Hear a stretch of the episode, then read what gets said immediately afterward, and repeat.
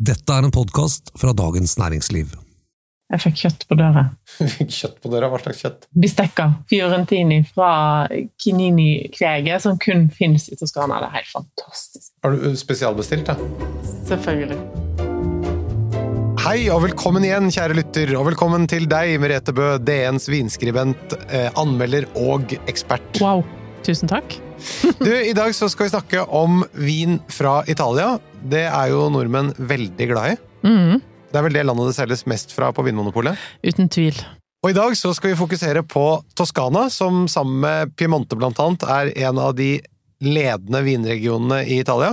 Og vi skal da konsentrere oss om to appellasjoner der, nemlig Brunello og Chianti. Mm. Og Merete, du har jo en klar favoritt av de to. Definitivt. Men det skal vi komme tilbake til, for vi må gi et litt nøytralt grunnlag for lytteren å vurdere på først. Så nå skal vi først snakke om områdene og stilen, og så kan du fortelle etterpå hva du liker best.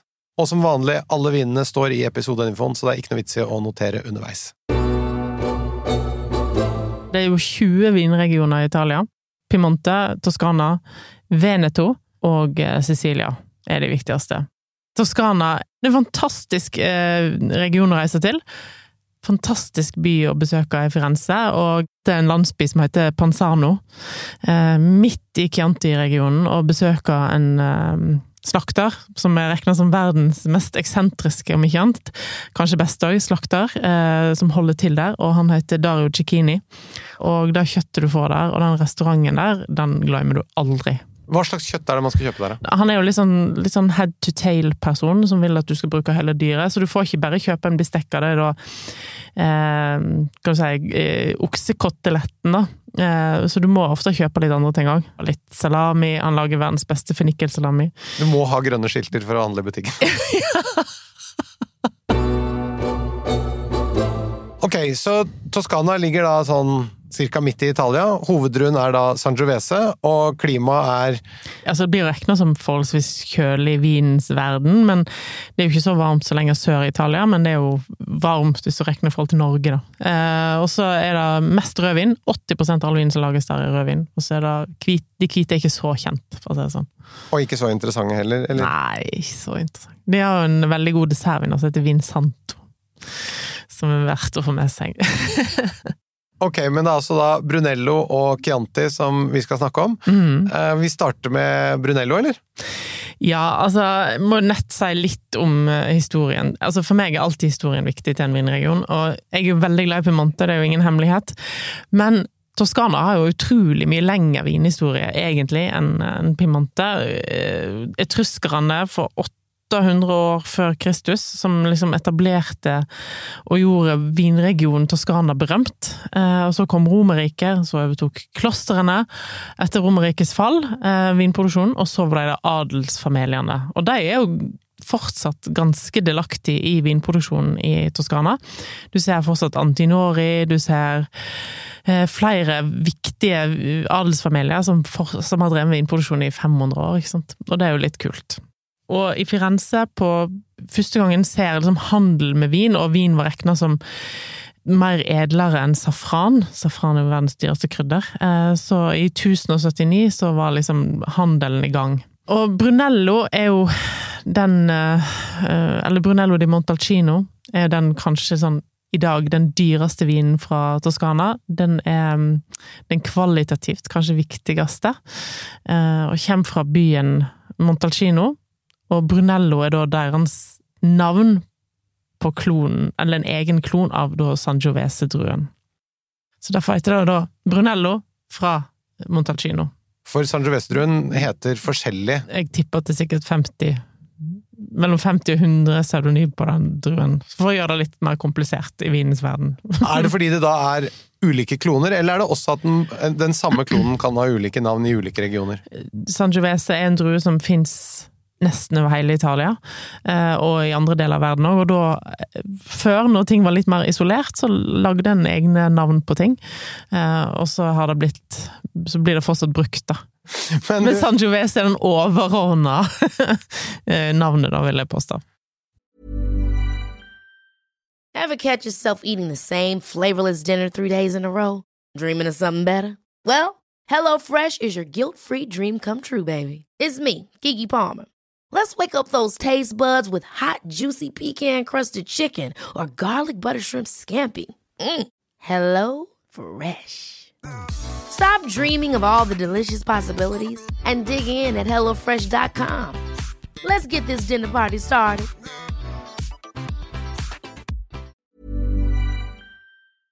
Bare starte litt med hvordan vinen er laget. For det er jo sånn, Merete, at alle vinregioner, da særlig i Europa, har veldig klare regler både for hva slags druer de kan bruke, og hvordan vinen skal lages. Mm. For du skal alltid vite at når du kjøper en type vin, så skal det på en måte ikke smake likt, men skal være, du skal vite at det du har kjøpt, inneholder det. Ja, du skal kjenne igjen stilen. Du skal kjenne igjen stilen, ja loven sier at den skal lagres på store eikefat, eller eikefat, i minst fire år. Hvis du skal kalle det for reserver, så må du lagre den i minst, den i minst fem år. Jeg vil jo si at det er litt ikke helt positivt for Brunello.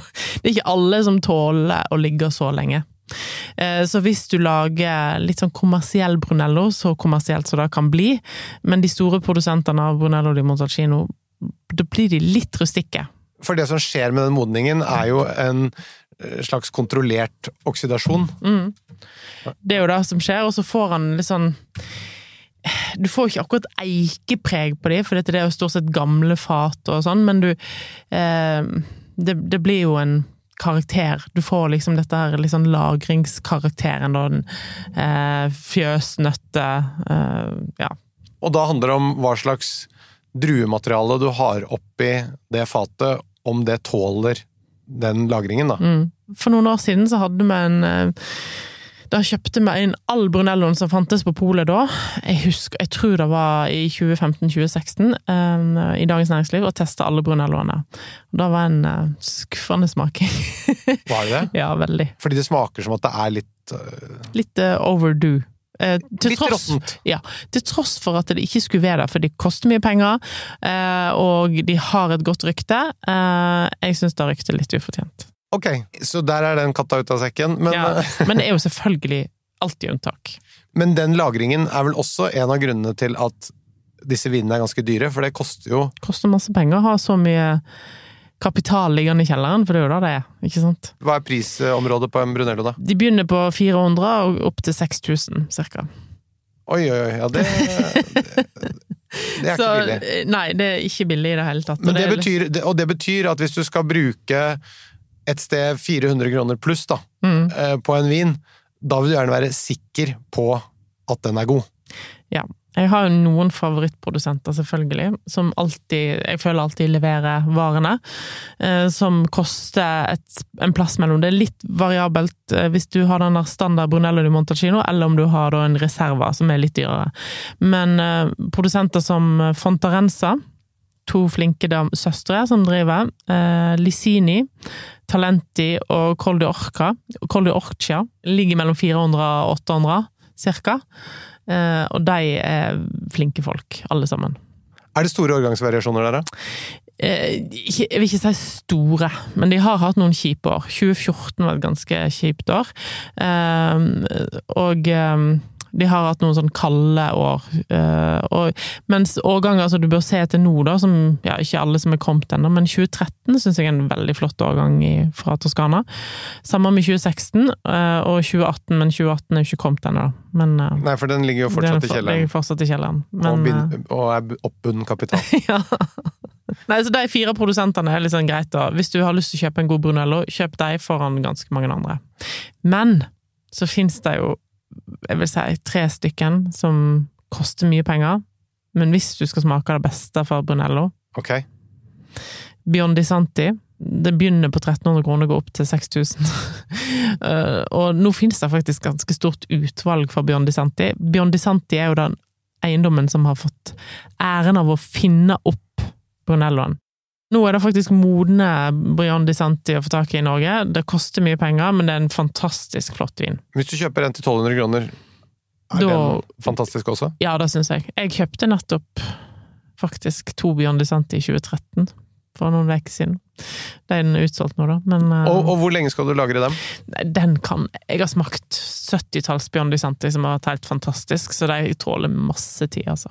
Grunnen til at jeg kjøpte disse, her, er at min datter er født i 2013, og jeg tenker at hun skal få lov å drikke dem på sin 30-årsdag. På sin 30-årsdag, ja. Ja, så det er jo 25 år til, da. Men hva med disse andre som du nevnte i starten, da? Eh, De tåler ikke så mye. De tenker jeg ti, ti år, ti pluss. Men eh, du hadde flere Eh. Soldera er òg helt Når jeg smaker Biondi Santi og Soldera, så tenker jeg åh, dette er altså så godt. Det er sjelden det fins, men nå fins faktisk begge de to på polet. Og Soldera sin toppvin, som heter Casse Basse, koster nå 4000 kroner. Vær så god. For en kasse basse. For en kassebasse. Men det er ikke en kasse. Nei, ikke en kasse, det er ei flaske. Ok, og så Piaggio del Sotto. Og- Poggio di Sotto. Ja. Det skulle jeg nemlig spørre om, det, skjønner du. ja. Tror du jeg hadde glemt deg? Nei, jeg bare Jeg visste ikke om de var med på lista di. Jo, jo, jo. Det er veldig bra. Men det som skal sies, det er en ting vi ikke har snakket om, det er Rosso di Montalcino. Det er hans, den litt rimeligere varianten av Brunello di Montalcino, som koster sånn, ja For Poggio del Sotto sin del, så er det 400-500 kroner for en sånn. Rimelig og rimelig, det er jo ikke rimelig, men det er en sånn entry level, Uh, unge vinstokker, ja. Hva er, hva er forskjellen på den i, i vinifikasjonen, da? Ja, han blir ikke lagra like lenge, eh, på rundt to år på eikefat. Eh, og så er det ofte litt Misforstå meg rett, dårlige druer. litt dårligere druer. Ja, og da gjerne litt Yngre yngre. druer. Yngre stokker. Ja. Ok, så vi har da Biondi Santi, Poggio di Sotto og Casse Basse som de tre toppene. Mm, Og så har vi alle disse fire andre, som også står da i, selvfølgelig i Mm. episodeinfoen, mm, som du nevnte, som også lager veldig gode brunelloer. mm. Og som, hvis man har lyst til å prøve eller bli kjent med det området, så er det kanskje det beste stedet å starte, da. Mm. Hva syns du er det beste å spise til eh, en god brunello, da? Åh, lam. Ja. I helga så lagde jeg um, lammeskank. Tomatisert, eller? Ja, eh, med masse rødvin oppi. Stått i ovnen i fire timer, sånn at den detter fra hverandre. Eh, digger mat som lager seg sjøl. Helt fantastisk. Ikke den bestekkaen som du snakker om. Nei, da er jeg litt mer på en annen plass. Hva, hva drikker du til den bestekkaen, da? Chianti. Nettopp! Men du er i samme område. Ja, ja, ja. Ok, men da går vi over på det som da er ditt eh, favorittområde i Toskana, eller? Ja, Chianti eh, er et eh, klassisk område som har hatt litt eh, svingninger, kan en lett si, men har òg veldig mye mer value for money. Så du som er opptatt av at ting ikke skal koste helt crazy mye penger, så vil jeg jo si at jeg vil anbefale en Chianti foran de fleste Brunelloer, hvis du tar pris og kvalitet i betraktning. Men er det noen som syns at jo dyrere, jo bedre? Ja. Jeg tipper at du kjenner mange som syns at jo dyrere er bedre. Jeg kjenner nok mange som tror at jo dyrere, jo bedre. Det er det nok mange som tror, og det er for så vidt greit. Og det er jo sånn I snitt så er jo ikke det helt feil å tenke sånn, men det at det er dyrt i seg selv, er jo ikke en kvalitet. Hvis du skal bruke mye penger på vin, så vil jeg være helt 100% sikker på at jeg kjøpte det som var best. Og det er viktig når det gjelder vin, for det er så mange dustekjøp. Mm, Og du kan kjøpe veldig dyre ting som er crap. mm. Skikkelig crap. Og det er derfor du er her, Merete. Ja. Ryan Reynolds here from Mint Mobile. With the price of just about everything going up during inflation, we thought we'd bring our prices down. So to help us, we brought in a reverse auctioneer, which is apparently a thing. Mint Mobile unlimited premium wireless. Ready to get 30, 30, bit to get 30, bit to get 20, 20, 20, bit to get 20, 20, bit to get 15, 15, 15, 15 just 15 bucks a month. So, Give it a try at mintmobile.com slash switch. $45 upfront for three months plus taxes and fees. Promo rate for new customers for limited time. Unlimited more than 40 gigabytes per month. Slows. Full terms at mintmobile.com. Ever catch yourself eating the same flavorless dinner three days in a row? Dreaming of something better? Well, HelloFresh is your guilt-free dream come true, baby. It's me, Kiki Palmer. Let's wake up those taste buds with hot, juicy pecan-crusted chicken or garlic butter shrimp scampi. Mm. Hello Fresh. Stop dreaming of all the delicious possibilities and dig in at HelloFresh.com. Let's get this dinner party started. Hey, it's Ryan Reynolds, and I'm here with Keith, co-star of my upcoming film, If, only in theaters May 17th. Do you want to tell people the big news? All right, I'll do it. Sign up now and you'll get unlimited for $15 a month in six months of Paramount Plus Essential Plan on us. Mintmobile.com slash switch. Upfront payment of $45 equivalent to $15 per month. Unlimited over 40 gigabytes per month. Face lower speeds. Videos at 480p. Active Mint customers by 531.24 get six months of Paramount Plus Essential Plan. Auto renews after six months. Offer ends May 31st, 2024. Separate Paramount Plus registration required. Terms and conditions apply if rated PG.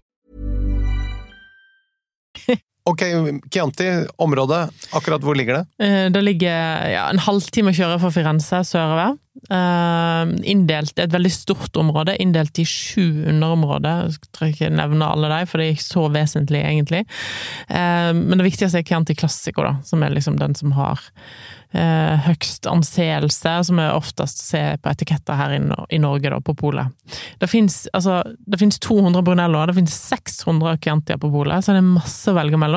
Og det som er kult, er at de fleste produsenter i Chianti lager såpass mye vin at det, de er tilgjengelig òg i hyllene på polet. Det er da Sangiovese som er hoveddruen også her. Mm. I Brunello så er det 100% Sangiovese, eller 100% Brunello, da. Eh, mens i Chianti så er det nå eh, 80 Sangiovese. Du må ha 80% Sangiovese. Du kan òg ha 100, eh, men før 1995 så fikk du ikke lov av 100% Sangiovese. Da måtte du ha 70% Sangiovese og iblanda litt hvite druer. Og dette her gjorde jo at um, Dette var en lov som kom fra 1800-tallet, mener jeg. 1700-1800-tallet. Og grunnen til at de blanda i hvite druer, var at uh, da ble vinen mer drikkelig, lettere. Og så ble den tappa på sånne bastflasker, du veit disse runde. Ja. Som du sikkert husker foreldrene dine. Ja, lysestaker. ble kalt eh, Altså, fiaski ble, ble fort omdøpt til fiasko. Eh, og Chianti fikk en ganske kvalitetsdupp på 70-80-tallet, eh, og fikk et dårlig renommé. Og så kom det jo en film på begynnelsen av 90-tallet som heter Silence of the Lambs, altså Å, ja. Nattsvermeren. Nattsvermeren, ja. Og den filmen der, uh, som endevender en hel altså, popularitet til en videre For da sa jo han Hannibal Lecter at han åt en lever med en god flaske Chianti. Og da fikk alle lyst på det. Så er du glad i menneskelever? Så er det county, da. Eh, og så eh, fikk jo de en Ja, og så ble det òg lov i 95 at eh, du kunne bruke 100 Sangiovese og slippe å bruke de hvite druene, som ga liksom en ja, litt sånn skvipete Chianti, da. Panzano, som jeg snakket om i starten, er min favorittlandsby. Der ligger òg en av mine favorittprodusenter, som heter Fontodi. Og Fontodi har en eh, vin i basissortimentet til polet, som er da hyllesortimentet, og den koster 260 kroner. En veldig god Chianti. I alle litt større pol finnes den. Hvor mange poeng har du gitt den, da? Og den har jeg ofte gitt 90 poeng, eller 89-90 poeng. ja. Og hvor lenge skal den lagre? Den kan ligge i 10-15 år. Jeg syns ofte at Chianti lagrer bedre enn Brunello, selv om det, det egentlig burde vært motsatt. Brunello er litt mer rustikke, mens Chianti er litt mer fruktdrevne. Du kjenner den der eh, kirsebær, mandel, nøtteaktige karakteren til Sangiovese. Sangiovese er sånn klokkeklar sånn kirsebærfrukt, og den syns jeg du får mye bedre eh, fram i Chianti enn du får i Brunello. Den eh, lagringsdelen av eh, vinproduksjonen som er i Brunello, den, den dekker til Mm. druens opprinnelige karakter Ja. lite grann, eller? Ja. Eh, bortsett fra de aller beste, da, som klarer liksom å lage en delikat vin med en moden karakter. Mens eh, jeg syns de beste produsentene i og i hvert fall hvis du ser på prisen, så er de mye bedre. Ja. Andre produsenter å nevne, eh, som òg finnes på polet, er Castellin Villa. Laga av en eh, eldre dame, hun er kanskje blitt 80 år.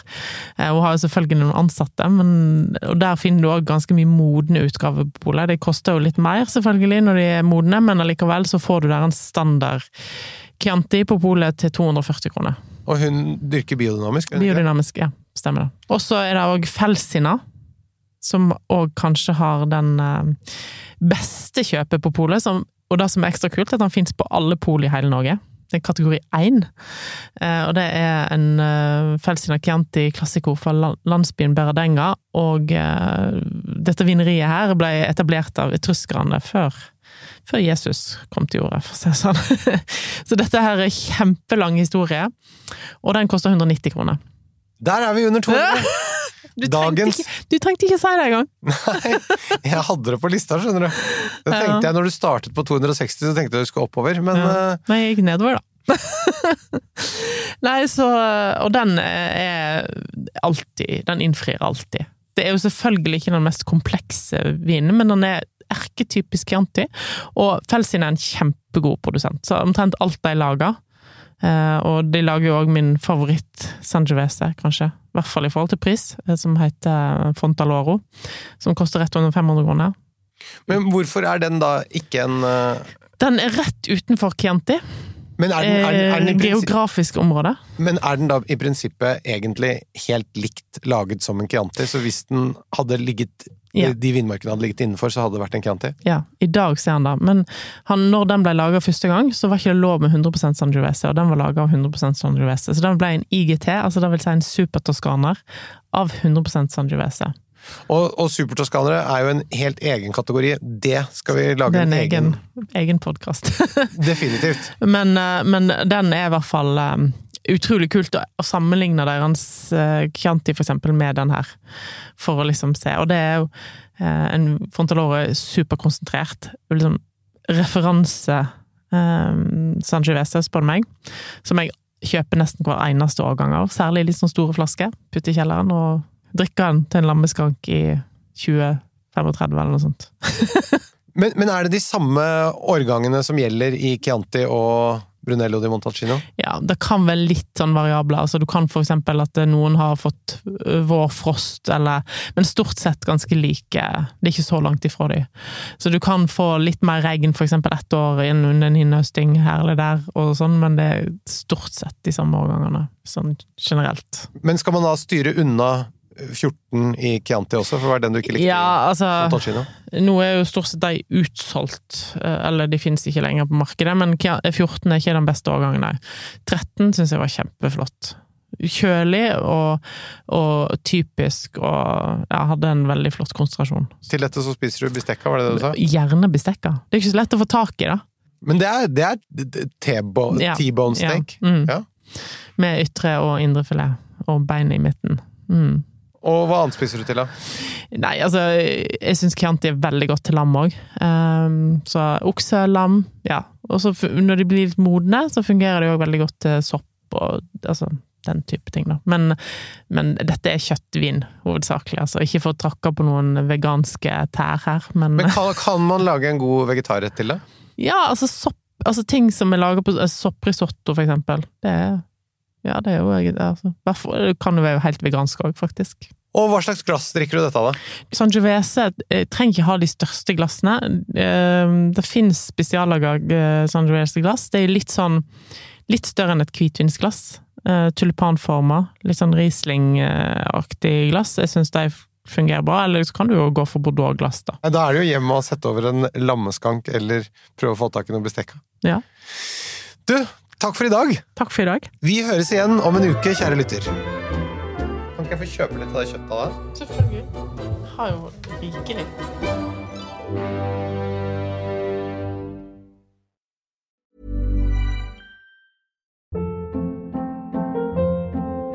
Hold up. What was that? Boring. No flavor. That was as bad as those leftovers you ate all week. Kiki Palmer here, and it's time to say hello to something fresh and guilt-free. Hello Fresh. Jazz up dinner with pecan-crusted chicken or garlic butter shrimp scampi. Now that's music to my mouth. Hello Fresh. Let's get this dinner party started. Discover all the delicious possibilities at hellofresh.com.